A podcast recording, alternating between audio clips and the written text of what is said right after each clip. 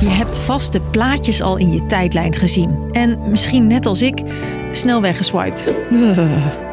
Gelukkig zijn podcasts zonder beeld. Want ik ga het met je hebben over de monkeypox, de variole du singe, peste de viruela del mono, het apenpokkenvirus. Zodat je zonder al die foto's in je face toch weet waar we nu ook in Nederland mee te maken hebben. Dus eigenlijk uh, min of meer tegelijkertijd in verschillende landen zijn er toch wel veel grotere uh, aantallen mensen al besmet. Wat is het voor virus en hoe krijg je het? Ik ben Chrisje en ik leg je uit of je je zorgen moet maken over de apenpokken.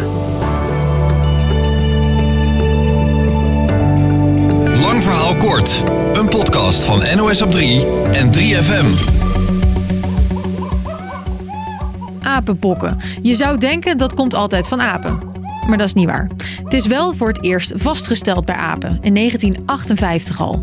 Maar knaagdieren zijn het vaakst verantwoordelijk voor de besmettingen van dier op mens. Het is namelijk een zoonose. Inderdaad.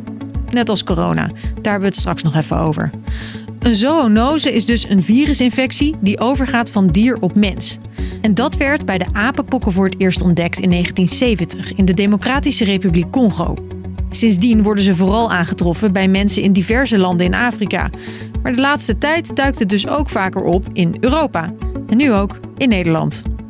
Oké, dan een kleine trigger warning. We gaan het hebben over de symptomen. Het lijkt op de pokken, maar je wordt er iets minder ziek van. Klassiek begint het met, uh, met koorts, algehele malaise, uh, spierpijn, hoofdpijn, vergrote lymfeklieren. Zegt Chantal Bleker. Zij is hoogleraar uitbraken van infectieziekten aan het Radboud UMC. Dan één tot drie dagen later beginnen er huidafwijkingen te komen. Klassiek begint dat vaak in het gezicht en dan verspreidt het zich over de rest van het lichaam, ook in de handen en de voeten.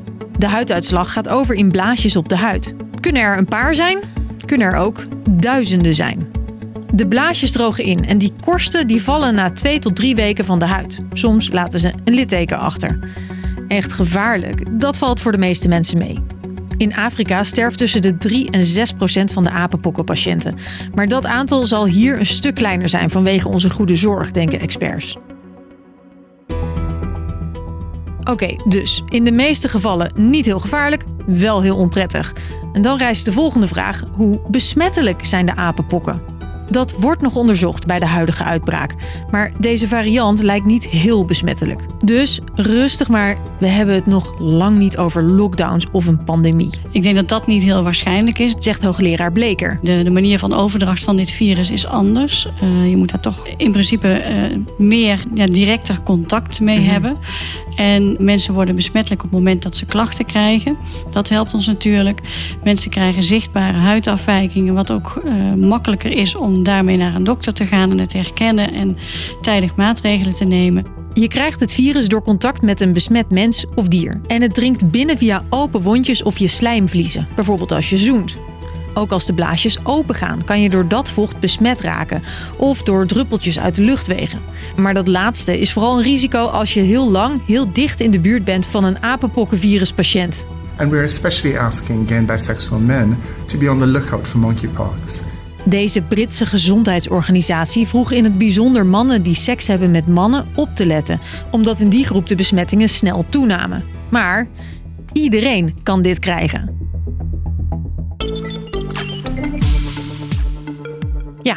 En als je het dan hebt. Je kunt met het bestaande pokkenvaccin worden geholpen. Dat werkt trouwens ook preventief. En dan, dit gaat herkenbaar klinken. Goedemorgen met DGD Rotterdam Rijnmond. Ik wil wat aanvullende vragen stellen met betrekking tot het eh, bron- en contactonderzoek wat wij uitvoeren. Start de GGD bron- en contactonderzoek. Komt dat even uit? Om te kijken waar de besmetting vandaan komt en met wie er allemaal contact is geweest. Mensen in je directe buurt moeten in quarantaine en jij in isolatie. Daar mag je pas uit als alle korsten van je huid zijn afgevallen. Oké, okay, hoor. Niet heel gek dus dat men even moest slikken toen de eerste berichten over dit virus in Europa naar buiten kwamen. Jeetje, daar gaan we weer. Kan dit een pandemie worden dan? Ja, wat dacht u toen u het nieuws hoorde? Daar gaan we weer. Want ja, we zijn net die pandemie uit. Nou ja, we hebben natuurlijk net eh, even een rustige periode wat, uh, wat corona betreft. We zijn ons druk aan het voorbereiden op weer een, nieuwe opvlamming daarvan. En dan komt er een, een ja, een, niet een nieuw virus, maar wel een nieuwe uitbraak met, een, met dit virus om de hoek. Maar zoals ik net al vertelde, het is echt een heel ander virus dan corona. Het is ten eerste een minder besmettelijk virus. En het is, anders dan COVID, een virus waar we al veel meer over weten. En daarnaast hebben we allemaal heel veel geleerd. Dat we ons misschien wel veel meer realiseren hoe snel zo'n uitbraak kan gaan. En dat het belangrijk is om snel in te grijpen. Denk dat mensen ook zelf veel meer uh, weten over hoe virussen overgedragen worden en wat je er tegen kan doen. Dus, lang verhaal kort. Er gaat een virus rond in Europa, de apenpokken. Dat komt normaal vooral voor in landen in Afrika. En waarom er nu uitbraken zijn in Europa, dat wordt nog onderzocht. Maar paniek is vooralsnog niet nodig. Het virus wordt overgedragen door heel nauw contact. En het is vrij goed zichtbaar als je het hebt. Dus kan je snel maatregelen nemen. En dat was hem voor vandaag. Morgen rond 5 dan zijn we er weer met een nieuwe aflevering van Lang Verhaal Kort. Bedankt voor het luisteren.